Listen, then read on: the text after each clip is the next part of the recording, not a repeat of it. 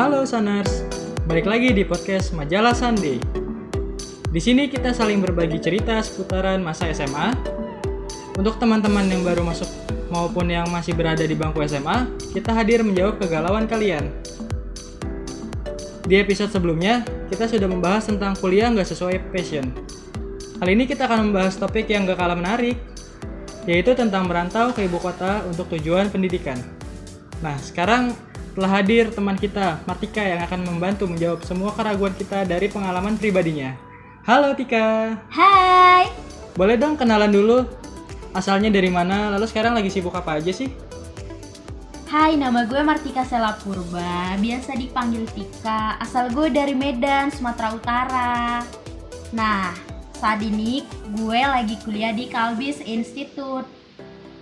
Karena lagi pandemi gini dan kuliah juga lagi libur, jadi sekarang lagi coba jualan online untuk ngisi waktu luang. Wah, seru tuh. Bisnis online emang lagi menjamur ya sekarang. Apalagi di, di tengah masa pandemi kayak gini. Oh iya, kalau boleh tahu, medannya di mana tuh? Nah, gue medannya tuh di Tanah Karo. Kalau ada yang tahu Gunung Sinabung itu, nah kampung gue dekat Gunung Sinabung itu.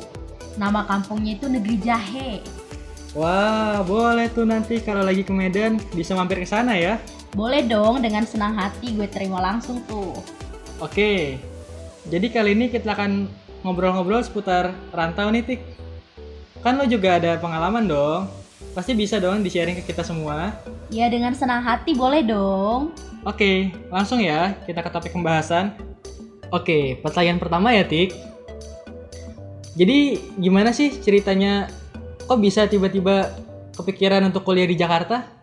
Nah dulu waktu masih SMA, gue nggak pernah kepikiran bakalan kuliah di Jakarta. Tapi kan gue punya kakak sepupu. Nah kakak sepupu gue itu pas dari SMA gue sering bareng sama dia. Tapi kan dia duluan kuliah, jadi dia duluan merantau ke Jakarta. Terus kita kan sering chatan gitu. Jadi dia kayak, ayo kuliah di sini. Di sini kan bisa kuliah sambil kerja gitu kan. Terus gue masih mikir, bisa nggak ya gue merantau gitu kan secara gue belum pernah jauh dari orang tua gue jadi ya udah deh gue coba aja merantau ke sini gitu sebenarnya di Medan juga banyak kan kampus-kampus gitu bagus juga tapi ya udah deh gue coba ke Jakarta untuk kuliah gitu Oh gitu ceritanya. Oke, selanjutnya gimana sih perasaan kamu pertama kali pisah dengan orang tua? Nah, perasaan gue pertama pisah sama orang tua itu ya hancur dong. Karena kan gue belum pernah pisah sama orang tua sejauh ini. Iya, dari SMP gue udah pernah pisah emang sama orang tua gue. Cuman kan gak pernah sejauh ini. Ya, pas pisah gue ke Jakarta gitu, ya hati gue hancur sih. Karena karena gimana ya?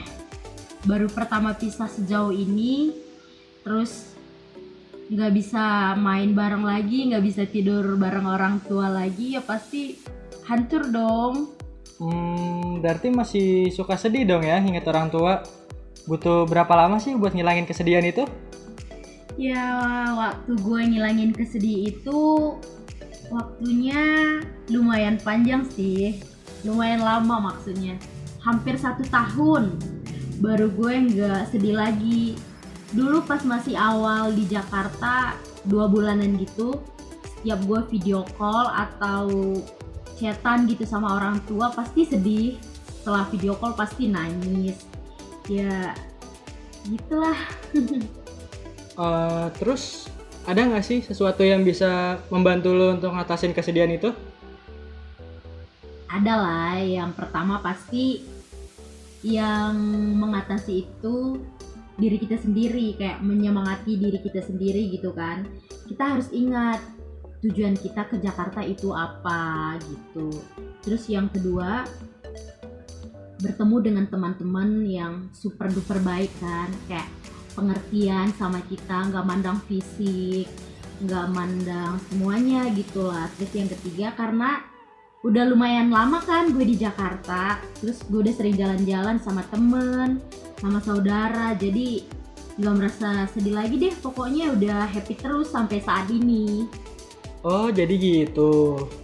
Lalu kalau buat lo sendiri gimana sih rasanya merantau jauh dari orang tua? Apalagi ini kan tujuannya buat pendidikan kan ya? Iya, jadi pas pertama gue pisah dengan orang tua itu pasti kita sedih lah ya. Namanya selama ini kita terus deket sama orang tua kita gitu. Tapi demi masa depan, gue tuh harus kayak nurin-nurin ego gue gitu. Ya gue harus bisa merantau, gue harus bisa gitu. Ya dulu sempat sih kayak mikir, aduh gimana nih kalau gue merantau bisa nggak ya, bisa nggak ya gitu. Ya tapi semakin ke sini bisa lah. Oke, berarti gitu ya. Terus jadi kan gini, dulu kan berarti lo di Medan, sekarang ini kan berarti udah di Jakarta dong. Pasti gaya hidup juga udah beda dong. Ada nggak sih perasaan minder sama teman-teman yang baru yang dikenal di Jakarta ini? Ya jelas dong, pertama gue ke sini tuh kayak langsung minder gitu. Secara kan gue dari kampung, terus pas ke sini berapa bulan kemudian kan langsung kuliah kan. Gue langsung kayak minder gitu, aduh norak nggak ya pakaian gue, kampungan nggak ya pakaian gue gitu. Terus kan rata-rata tuh satu kampus gue kan dari kecil udah tinggal di Jakarta. Jadi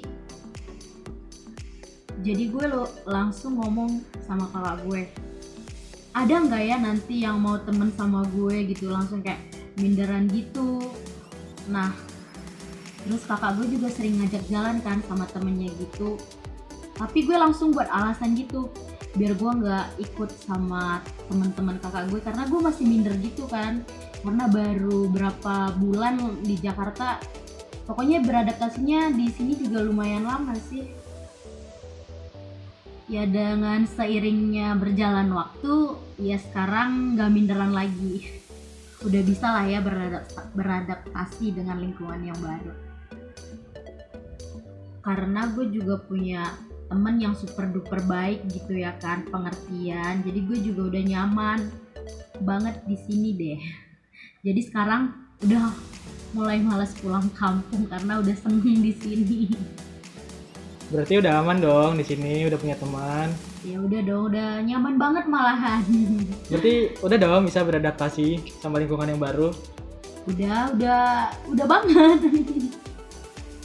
Oke, jadi kan tadi udah berhasil untuk adaptasi sama lingkungan yang baru. Berarti dari lo sendiri ada nggak sih tips untuk adaptasi dengan lingkungan baru, baik dari segi dari segi pergaulan atau apa pun?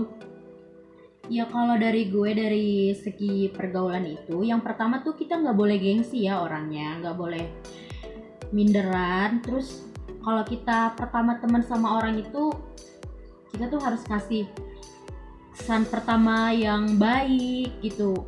Terus yang selanjutnya harus sopan terus ramah rendah hati terus berani jangan pendiam-pendiam banget. Terus kita juga harus bisa menerima kritikan orang lain kepada kita gitu kan. Terus juga kita harus bisa membuka diri kepada teman-teman kita supaya dia juga tahu karakter kita gimana gitu. Terus kita juga harus berani menyapa orang lain dulu jangan sombong-sombong banget Oke, pertanyaan berikutnya, uh, pergaulan di Medan sama di Jakarta kan beda. Lo ada nggak sih tips supaya nggak salah pergaulan? yang pertama tuh kita harus bisa memilih teman karena kalau kita salah memilih teman dan salah ngambil jalan pasti kita juga akan ngikut teman kita yang buruk-buruknya gitu terus yang kedua kita tuh tidak boleh terpengaruh dengan orang lain misalnya dia kayak ngelakuin hal-hal yang negatif kita tuh harus nahan gitu kita harus kayak gue nggak boleh seperti itu gue nggak boleh seperti itu gitu terus selanjutnya tuh kita harus dapat mengendalikan diri kita sendiri dan harus pintar dalam memilih teman yang lebih baik. Oke, pertanyaan selanjutnya nih.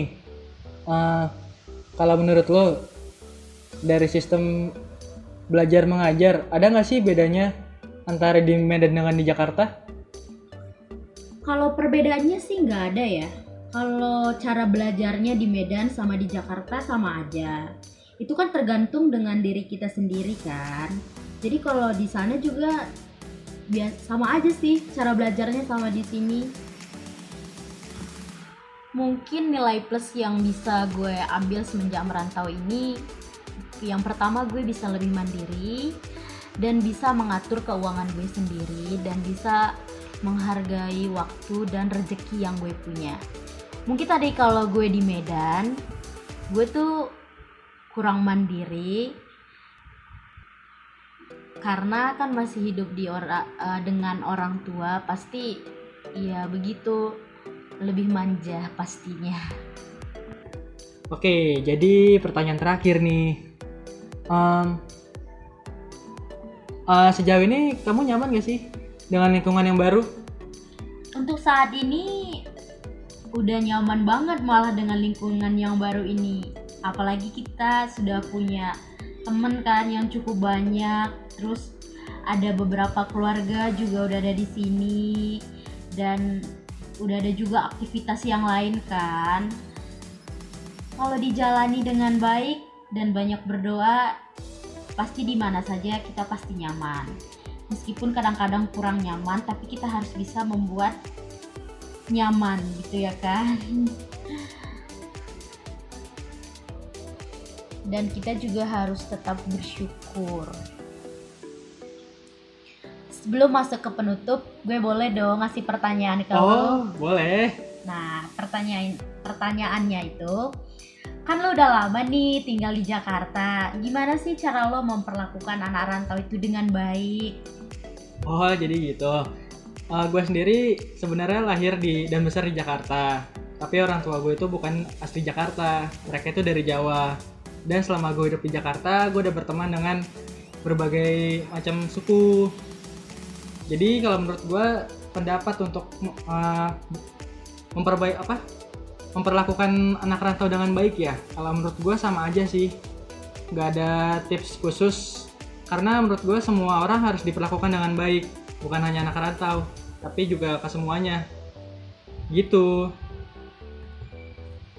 Wih, bagus sekali jawabannya. Oke, terima kasih sudah Oke. menjawab. Sama-sama, kita akan masuk ke sesi penutup ya. Oke, untuk penutup, boleh dong eh, pesan-pesan dari lo buat mereka yang masih takut untuk jauh dan untuk jauh dari orang tua. Nah, untuk kalian yang sedang mendengarkan podcast ini, kalian itu harus bisa hidup mandiri. Karena kalau bukan kita yang buat diri kita mandiri siapa lagi? Dan jangan pernah takut untuk jauh dengan orang tua. Karena kalau kamu mengikuti jalan yang bagus dan benar nggak neko-neko kamu tidak akan tersesat di jalan. Nah benar itu Saners. Jadi kalau menurut gua karena cepat atau lambat kita kan pasti akan hidup mandiri dan jauh dari orang tua. Jadi apa salahnya sih kita belajar mulai dari sekarang? Um, kayaknya gue rasa cukup ya sampai sini aja pembicaraan kita. Uh, sampai jumpa di podcast yang berikutnya. Sekali lagi saya ucapkan terima kasih untuk bintang tamu kita, Martika udah mau hadir dalam yeah. podcast ini. Oke, sama-sama. Sukses ya untuk karirnya dan semoga cita-cita yang belum tercapai bisa tercapai. Akhir kata, mohon maaf bila ada kata-kata yang kurang berkenan. Saya Michael, pamit dan undur diri. See you in the next podcast.